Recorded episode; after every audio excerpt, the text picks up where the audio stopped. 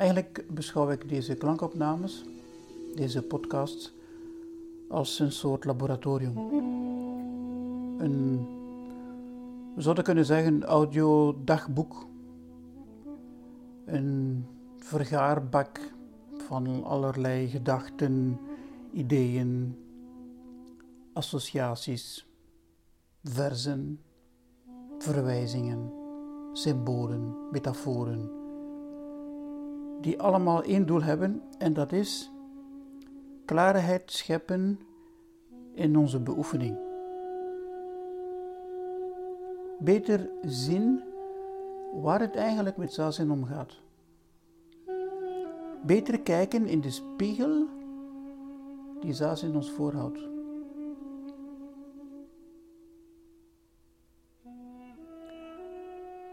We gaan het vandaag hebben over het gebruik van woorden, volgens meester Tozan. Hij zegt: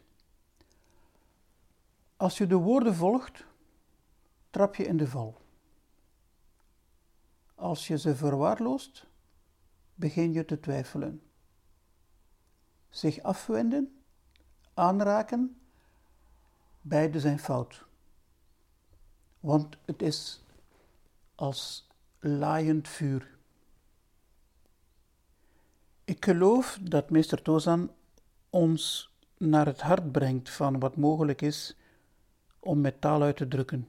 We zouden eigenlijk zijn verhouding tot taal, tot het Chinees, moeten kunnen onderzoeken, maar dat, dat gaat niet. Spijtig genoeg, ik ken geen Chinees. Dus we moeten het hebben met uh, westerse vertalingen. Het is dus zo dat we de Hokkyo Zanmai reciteren in het Japans en niet in het Chinees. De oorspronkelijke poëzie van meester Tozan ontbreekt ons dus totaal. Dat typisch metrum van verzen met acht kanjis, die allemaal eenzelfde eindtrijm hebben, kennen we niet, horen we niet. We moeten met de vertalingen die voorhanden zijn, voorzichtig op de tast gaan om te proberen het hart van de Hokya Zanmai te bereiken. Als je de woorden volgt. Als je de woorden volgt, wordt soms vertaald met als je opgewonden bent. Er is dus een soort analogie tussen de woorden volgen en in beweging komen, in beweging worden gezet. Ik geloof dat inderdaad veel van onze handelingen die we uitvoeren als oorzaak het obsessief gebruik van woorden is in ons bewustzijn. Natuurlijk zijn er handelingen die we uitvoeren intuïtief, zonder daarbij na te denken, maar vele handelingen die we verrichten, vinden hun ontstaan in woorden die in ons bewustzijn aanwezig zijn. Woorden waaraan we kleven. Dus de vers als je woorden volgt, trap je in de val, kun je ook zeggen. Als je een beweging maakt, of als je in beweging bent, wordt dat een cliché. Wordt dat een gemeenplaats. Meester Tozan zegt, maar als je ze verwaarloost, als je de woorden verwaarloost, begin je te twijfelen. Als je die woorden mist, dan, dan kijk je om. Verteerd door twijfel, kijk je om en dan verstar je je belevingswereld. Een beetje zoals in het verhaal van Orpheus en Eurydice, bij de terugkeer van, vanuit de hel. Het is dus een moeilijke kwestie. Want, zegt meester Tozan, zich afwenden, aanraken, beide zijn fout. Er niks mee te maken willen hebben, of het willen pakken, het willen grijpen, de twee houdingen zijn onjuist. En hij eindigt met te zeggen, want het is laaiend vuur.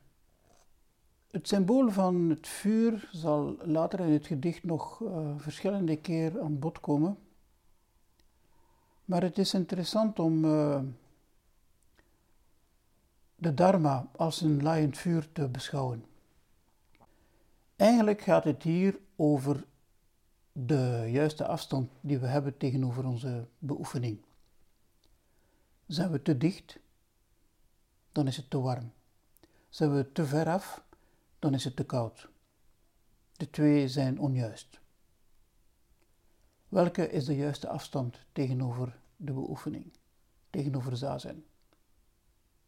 Het is net zoals met een vuur. Ben je te dicht, dan kun je je verbranden.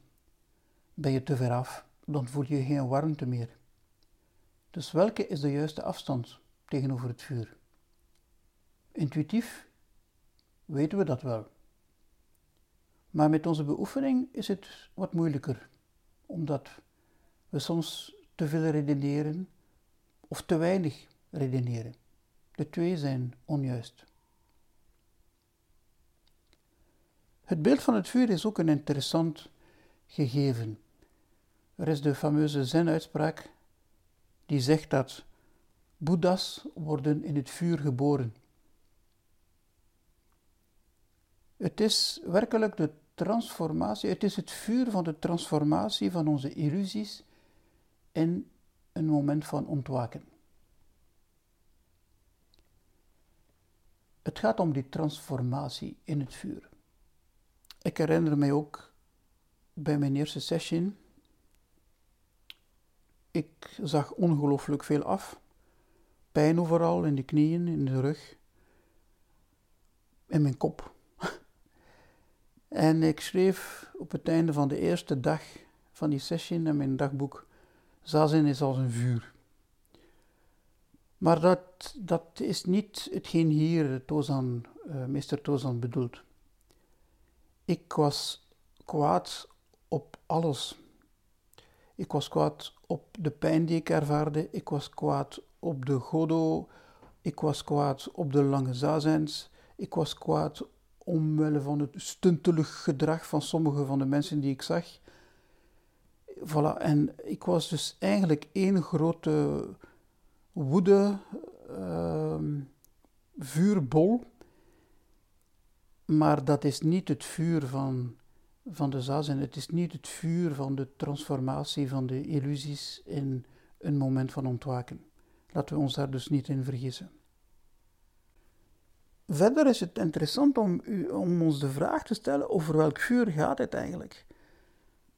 Want Mr. Tozan zegt wel degelijk zich afwenden, aanraken, tegenover de woorden dus. Zich afwenden van de woorden, de woorden aanraken. Beide zijn fout, want het is als een laaiend vuur. Dus de woorden zijn een laaiend vuur. En hoe moeten wij dat dan interpreteren? Zijn de woorden gevaarlijk? Kunnen we ons aan woorden verbranden?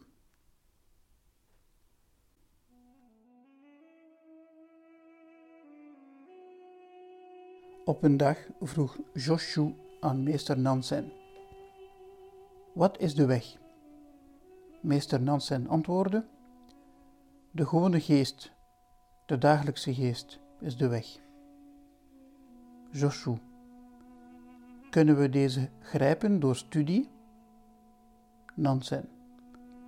Hoe meer je erop jaagt, hoe verder hij zich zal verwijderen. Joshu. Hoe kan ik de weg kennen als ik mezelf geen richting kan geven? Meester Nansen. De weg is niet subject van kennis of onwetendheid. Kennis is illusie. Onwetendheid is afwezigheid van begrip.